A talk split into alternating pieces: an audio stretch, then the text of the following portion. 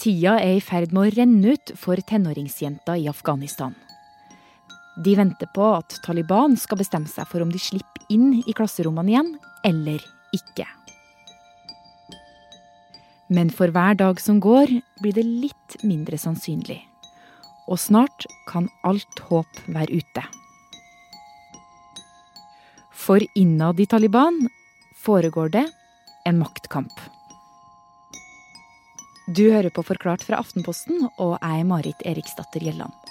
I dag er det torsdag 16. juni. Helt siden Taliban tok tilbake makten i Afghanistan i fjor, så har det med jenter og utdanning vært eh, et tema som verden har fulgt særlig nøye med på. Eh, da Taliban styrte Afghanistan forrige gang, så ble jenter og kvinner nektet all form for utdanning. Men denne gangen så har Taliban lovet at de skal gjøre ting annerledes, og at jenter skal få gå på skole. Uh, og det er dermed blitt et viktig mål for resten av verden på om Taliban uh, kommer til å holde det de lover, da. Eller om de vil ta til Afghanistan tilbake til, til der landet var for, for, over 20 år siden. Og jenter og utdanning er kanskje også blitt det temaet der man ser den interne maktkampen i Taliban utspille seg aller mest tydelig. Hanne Kristiansen er Aftenposten sin korrespondent i Midtøsten. Den 23. mars var en dag det var knyttet eh, veldig store forventninger til i Afghanistan. Det var begynnelsen av det afghanske skoleåret, og eh, alt tydet på da at eh, jentene over tolv år skulle få lov til å komme tilbake på skolen i likhet med, med barneskoleelevene. Men eh, dagen kom, og jentene møtte opp på skolen, og flere steder i landet så hadde de faktisk pakket ut tingene sine og satt seg, satt seg ned eh, og var i ferd med å starte dagen. Eh, da kontrabeskjeden kom fra, fra Talibans øverste hold om at jentene ikke kom til å få lov til å gå på skole helt ennå likevel. Og da var det bilder i lokale afghanske medier av eh, tenåringsjenter som ble sendt gråtende hjem, dypt skuffet over å ikke få gå på skolen likevel. A last minute turnaround by the Taliban on allowing girls to attend secondary school has left many Amid fears that the Taliban's previous harsh treatment of women is returning to Afghan society. Nå er det gått snart tre måneder siden jentene ikke fikk lov til å gå på skolen likevel. Men flere steder i Afghanistan så fortsetter faktisk undervisningen likevel, men i skjul for Taliban.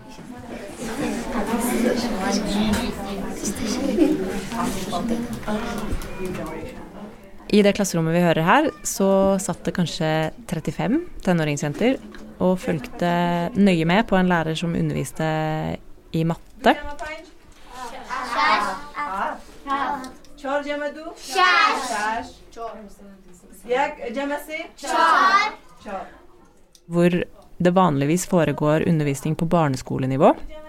Og det er nok også det Taliban tror skjer der, eh, skjer der ennå. Men egentlig så er det også jenter i tenåringsalder som bruker disse klasserommene og får undervisning av, eh, av lærere som ikke, ikke lenger har jobb, men som ønsker å fortsette å gi jentene utdanning. Så de jentene som satt i det klasserommet, de, de var veldig, veldig finiste, veldig søte. Vi snakket bl.a. med en 13 år gammel jente som heter Marva. Hun fortalte at hun har vært hjemme mer eller mindre hver dag siden eh, skolene stengte i fjor.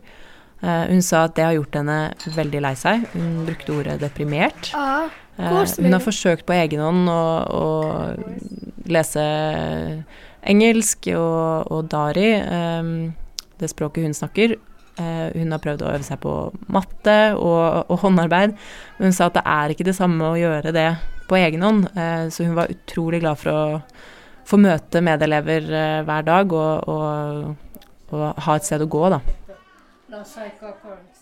Da den eh, mattetimen var over, så så vi hvordan jentene tok på seg De liksom eh, dro sjalet over hodet, og så tok de på seg munnbind, som er blitt eh, faktisk en ganske vanlig måte for, eh, for unge kvinner, og, eller kvinner i Afghanistan å dekke til ansiktet på nå de siste årene.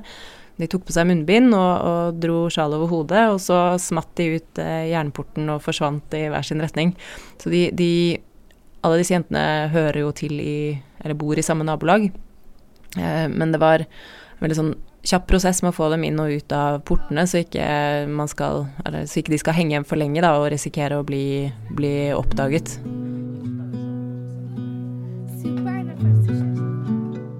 Alt det her foregår jo bak uh, lukka dører. Men myndighetene, hva, hva vet de om det her?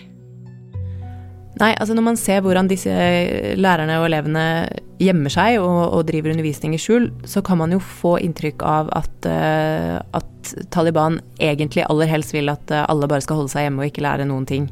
Uh, men da vi snakket med utdanningsministeren, han heter Norullah Munir, så fikk vi et litt annet inntrykk. fordi for han eh, virket det egentlig eh, viktig å få i gang skolen igjen så fort som mulig. Men han har noen utfordringer i arbeidet med å få til det.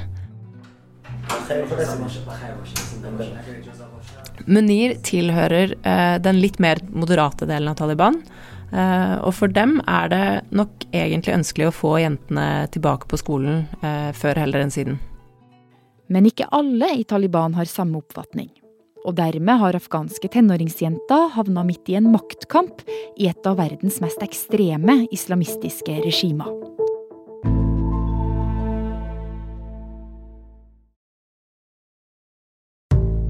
De siste 20 årene har Taliban hatt ett mål for øye. Og det var å ta tilbake makta fra det Nato-støtta regimet som satt. Og nå for snart ett år siden så klarte de det.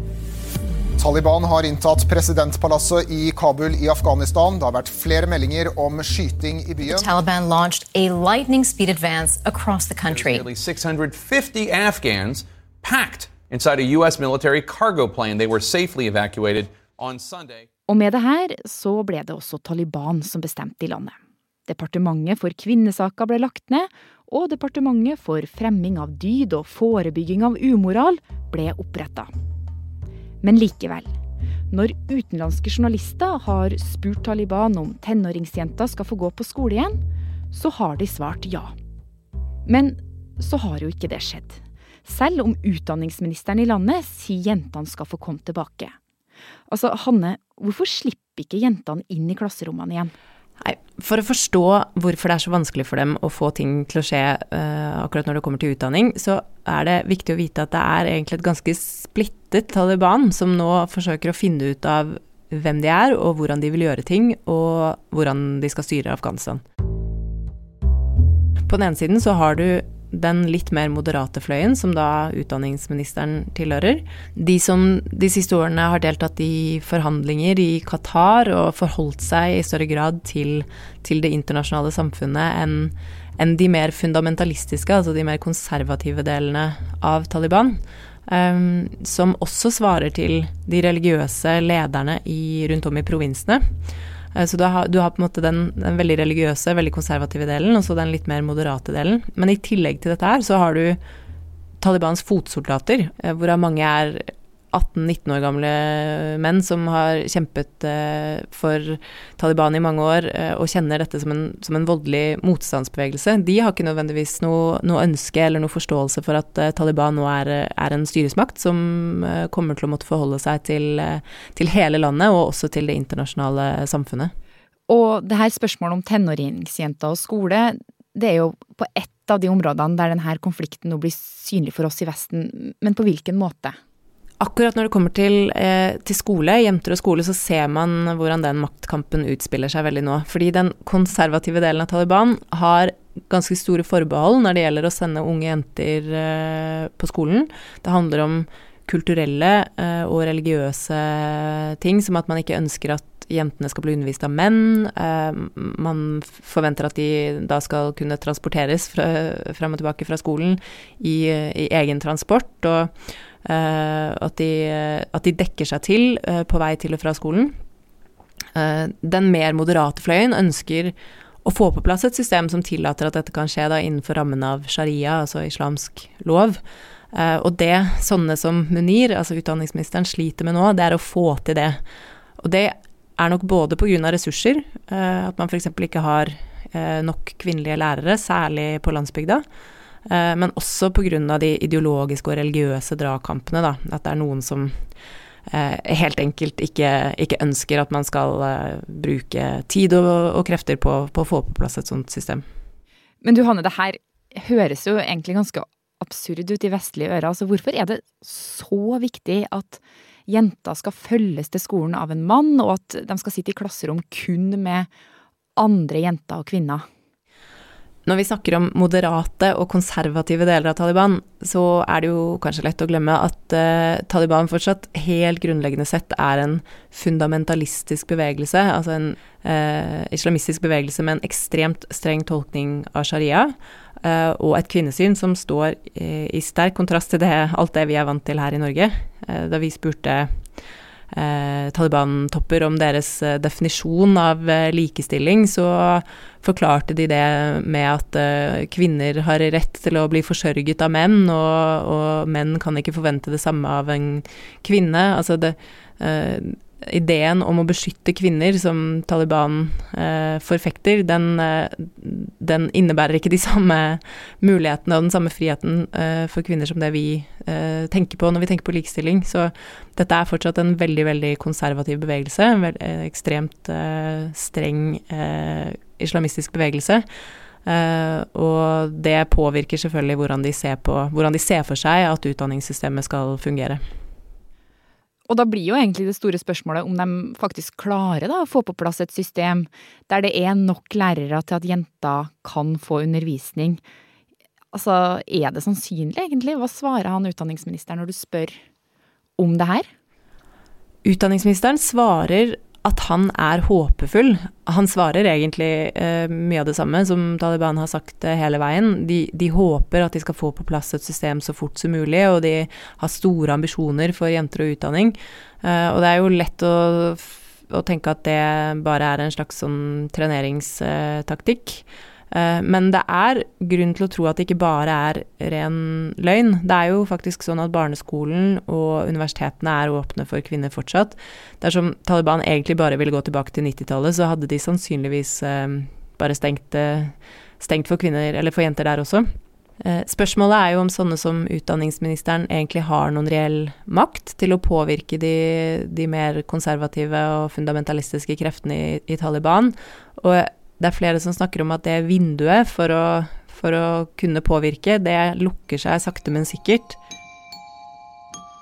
Og spørsmålet er jo da om, om sånne som Munir rekker å, å, få på plass systemene som trengs før det vinduet lukker seg for godt.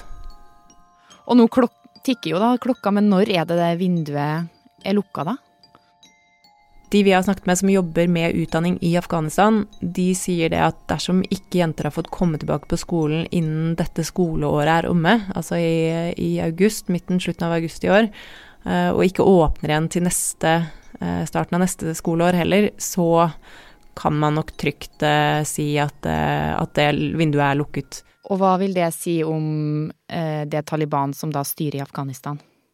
Nei, dersom det skjer, så vil jo det tyde på at det er de mer eh, konservative og, og ekstreme uh, delene av Taliban som begynner å få grep om makta, og at uh, det uh, man vil se av utvikling fremover i Afghanistan, vil gå i en stadig mer negativ retning, da, og kanskje begynne å nærme seg det, det regimet man, man hadde for 20 år siden.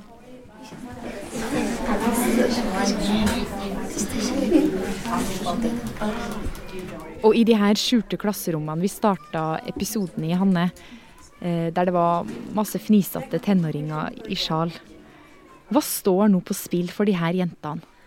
Dersom disse jentene eh, som vi møtte i de klasserommene i Kabul, ikke får lov til å fortsette å utdanne seg, og kanskje ikke får, uh, får lov til å få hjemmeundervisning engang, så stenges de jo ute fra mulighetene til å jobbe og forsørge seg selv og familiene sine. Og et land kan jo som kjent ikke blomstre verken økonomisk eller politisk dersom ikke kvinner inkluderes i, i arbeidslivet. Eh, og hvis det er én ting afghanere flest ønsker og trenger etter ufattelig mange år med krig og lidelse, så er det vekst og stabilitet. Så det som står på spill dersom eh, jenter ikke får lov til å få utdanning, det er rett og slett Afghanistans fremtid.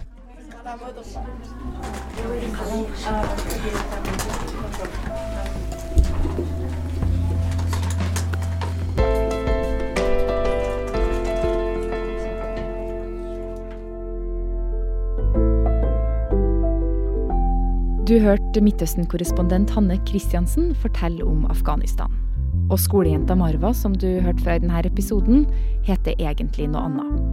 Det er Anne Lindholm og meg, Marit Eriksdatter Gjelland, som har laga episoden. Resten av Forklart er David Vekoni, Jenny Føland, Synne Søhol, Fride Nesten Onsdag og Anders Weberg. Lydklipp fra RTE, NRK, Deutsche Welle, France 24 og Hanne sine egne opptak fra Kabul. Og til slutt, hvis du liker Forklart, så anbefal oss gjerne til venner og kjente. Og som du vet, så finner du oss der du hører podkast.